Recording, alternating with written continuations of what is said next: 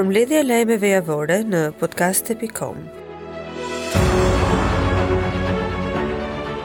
Partia Socialiste arriti të merrte 5 bashki nga 6, ndërsa në Shkodër fitoi Bardh Spahia, pjesë e koalicionit Shtëpia e Lirisë e Sali Berishës, LSI-s dhe PDK-s. Partia Demokratike me në krye Lulzim Bashën jo vetëm nuk arriti të merrte asnjë bashki në këto zgjedhje, por u shpall forcë e tretë me më pak vota se koalicioni i Berishës. Zgjedhjet e gjashtë marsit kishin një vlerë të madhe për elektoratin demokrat, ku pritej të tregohej mbështetja e demokratëve të cilët prej muajsh tashmë janë ndarë në dy fronte, ata që mbështesin Bashën dhe ata që mbështesin Berishën. Zgjedhjet e gjashtë marsit gjithashtu sollën përçarje brenda Partisë Demokratike, ku shumica e demokratëve kërkojnë dorëheqjen e Bashës dhe mbajtjen e zgjedhjeve për kryetar të ri. Një 48 vjeçar në prangat e policisë pasi kërcënoi me armë punëtorët e një firme ndërtimi. Në një njoftim për mediat, policia tha se pas një konflikti në ambientet e një kompleksi arritën të organizonin punën dhe finalizuan me sukses operacionin e koduar Prevention në kuadër të të cilit u bë kapja dhe arrestimi në flagrancë i shtetasit me iniciale LL 48 vjeç banues në Tufinë. Për veprat penale, kanosje, prodhim dhe mbajtje pa leje e armëve luftarake dhe municionit dhe prishje e rendit dhe qetësisë publike. Mësohet se 48 vjeçari gjatë një konflikti për motive pronësie në ambientet e një kompleksi ka kanosur me armë zjarri punëtorët e një firme ndërtimi, në cilësinë e provës materiale, tregon policia u sekuestrua një armë zjarri Kalashnikov. Materialet procedurale i kaluan prokurorisë pranë gjykatës së shkallës së parë Tiranë për veprime të mëtejshme. Në një takim me përfaqësues të furnizimeve ushqimore, kryeministri Edi Rama njoftoi ngritjen e një task force që do të përcaktojë çmimet fikse për ushqimet bazë deri në përfundimin e krizës dhe ngritjen e fitimeve për bizneset që operojnë në këtë sektor.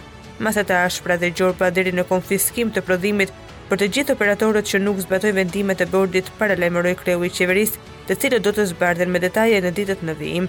Teksa kërkoi bashkëpunimin e biznesit, kryeministri Edi Rama shtoi se në këtë situatë destabilizimi tregu dhe si pasojë e krizës, gjetja e tregjeve të reja mbetet një sfidë kryesore e tyre.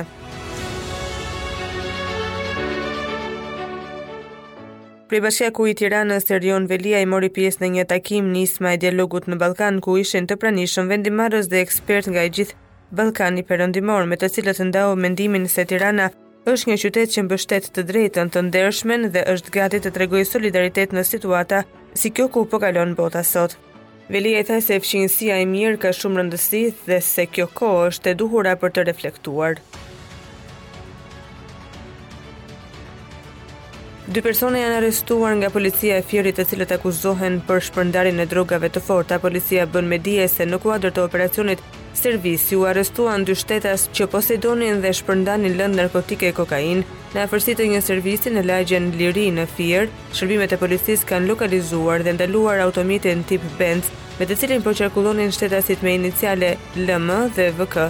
Gjatë kontrollit në automjet dhe kontrollit fizik ndaj këtyre dy shtetasve shërbimet e policisë gjetën dhe sekuestruan në cilësinë e provës materiale njëqind e tetë gramë lëndë narkotike kokainë.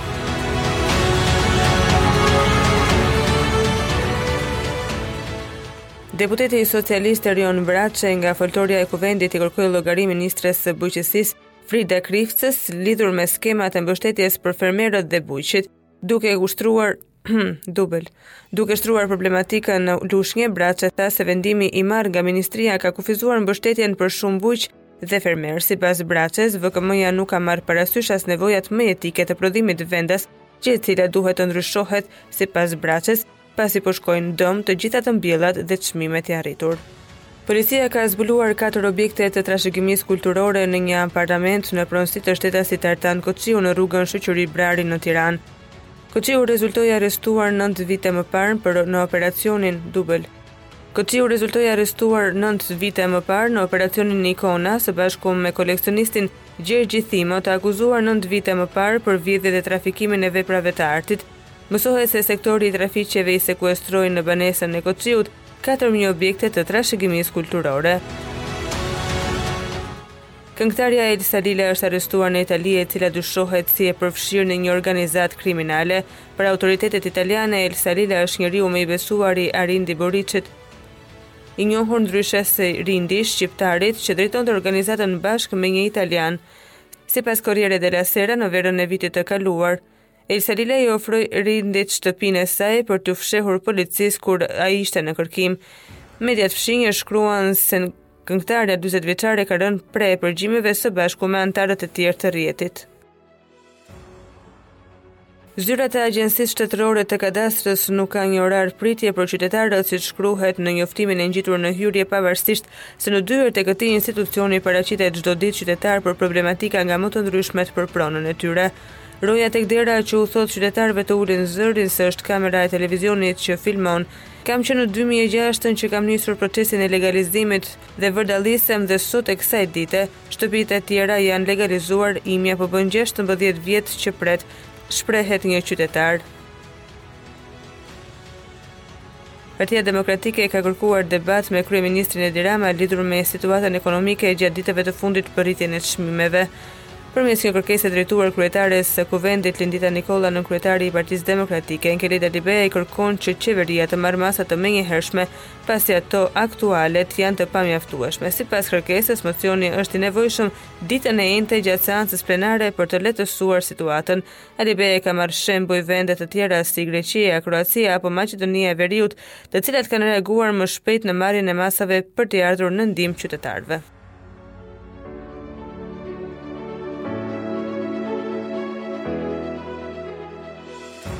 Deputetja e Partisë Demokratike Orjola Pampuri ka reaguar në lidhje me deklaratën e ministres së Financave Delina Ibrahimaj, e cila pohoi se me njëqind e tridhjetë deri në njëqind e dyzet euro nuk quhesh i varfër. Përmes një reagimi në Facebook, Pampuri duke u ndalur tek çmimet theksoi se me këtë shumë nuk përballohet as çmimi i energjisë elektrike dhe faturat e ujit, apo edhe shpenzimet familjare.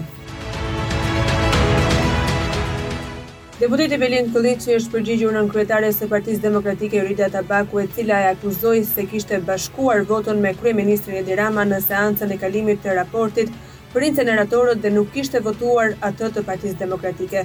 Këlliçi ka reaguar në Facebook ndërsa shkruan se ai ka votuar kundër atyre për të dy raportet dhe e ka cilësuar reagimin e Tabakut keqdashës. Prezenca e OSBE-së në Shqipëri përgëzoi procesin e zgjedhjeve të pjesshme vendore të gjashtë marsit në vendin tonë, por me disa rezerva. OSBE theksoi se ka ende shumë për të bërë në Shqipëri për rritjen e integritetit të procesit zgjedhor. Ajo shprehet se qëndron e gatshme të kontribuojë në reformën zgjedhore dhe se mbetet partnerja kryesore e KQZ-së në përpjekje për zgjedhje më të mira. Lideri historik Sali Berisha i është përgjigjur publikisht reagimit të ambasadës ruse në Tiranë, lidhur me deklaratën e tij se i ishte ofruar ryshfet për të shtrirë projektin e Gazprom në Shqipëri. Berisha i quan akuzat e ambasadës ruse provokative të stilit sovjetik të përfaqësuesve të diktatorit Putin dhe tregon ofertën që i ka bërë kompania ruse e energjetikës Gazprom për një projekt gazsjellësi që anashkalonte Shqipërinë. Ukraina i është përgjigjur deklaratës së delegacionit rus, i cili bëri me dije se janë pranë një marrëveshjeje. Këshilltari i Presidentit Zelensky dhe njëkohësisht kreu i negociatorëve rusë, duke komentuar deklaratat e zyrtarit rus, tha se qëndrimet mbeten të njëjta, armëpushim, tërheqje trupash dhe garanci sigurie me formula specifike. Negociatori i Kievit thotë se Rusia po përpiqet të provokojë tension në media dhe se pozicioni i Ukrainës mbetet i pandryshuar. Një zjarr i fuqishëm ka përfshirë kodrën e Mantranas në fshatin Perondi të qytetit të Kuçovës. Zjarri është përhapur me shpejtësi duke marrë përmasa të mëdha dhe duke rrezikuar disa banesa që ndodheshin pranë vatrës së zjarrit. Fillimisht, kanë qenë banorët e zonës ata që janë përpjekur të shuajnë flakët e para dhe kanë njoftuar zjarrfikësit.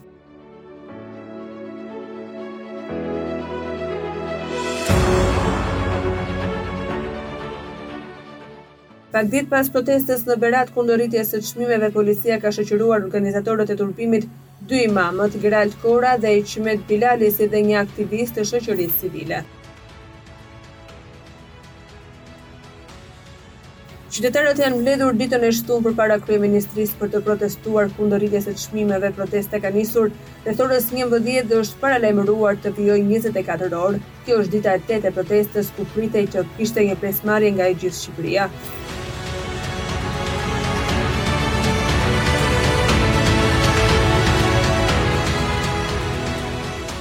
shtatëqind punonjës policie ishin të angazhuar për mbarëvajtjen e protestës kundër rritjes së çmimeve në Tiranë. Policia e Tiranës me gjashtë komisariate është e angazhuar dhe po ashtu FNSH-ja janë në gatishmëri si dhe forcat e gardës.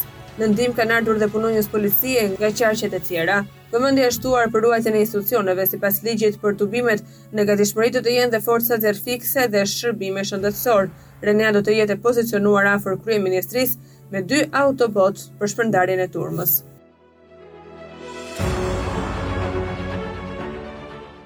Një prej organizatorëve të protestës, aktivisti i shoqërisë civile Adriatik Lapaj deklaroi para protestuesve se ky është sheshi i nderit jo i turpit. Sipas tij, kur qytetarët bashkohen, fitojnë. Në paketën e propozuar përfshihen pezullimi i taksave për qarkullimin në mënyrë që të ulet dhe çmimi i naftës.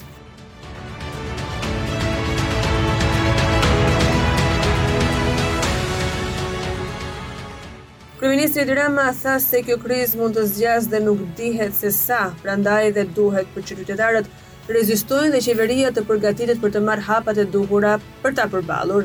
Pikërisht për këtë krizë të shkaktuar nga lufta Ukrainë-Rusi, Rama tha se do të marrë pjesë të mërkurën në mbledhjen urgjente të NATO-s.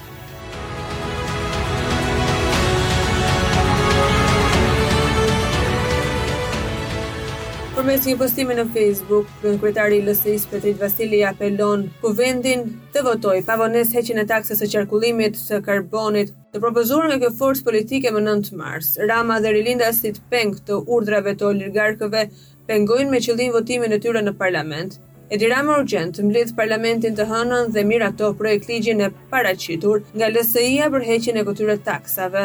Edi Rama, boll u zvarrite Turpshëm shiko vë shko votoje projektligjin mjaft i fute thika pas shpine qytetarëve të thjeshtë dhe me shumë halle. Shkruan ndër të tjera Vasili në reagimin e tij.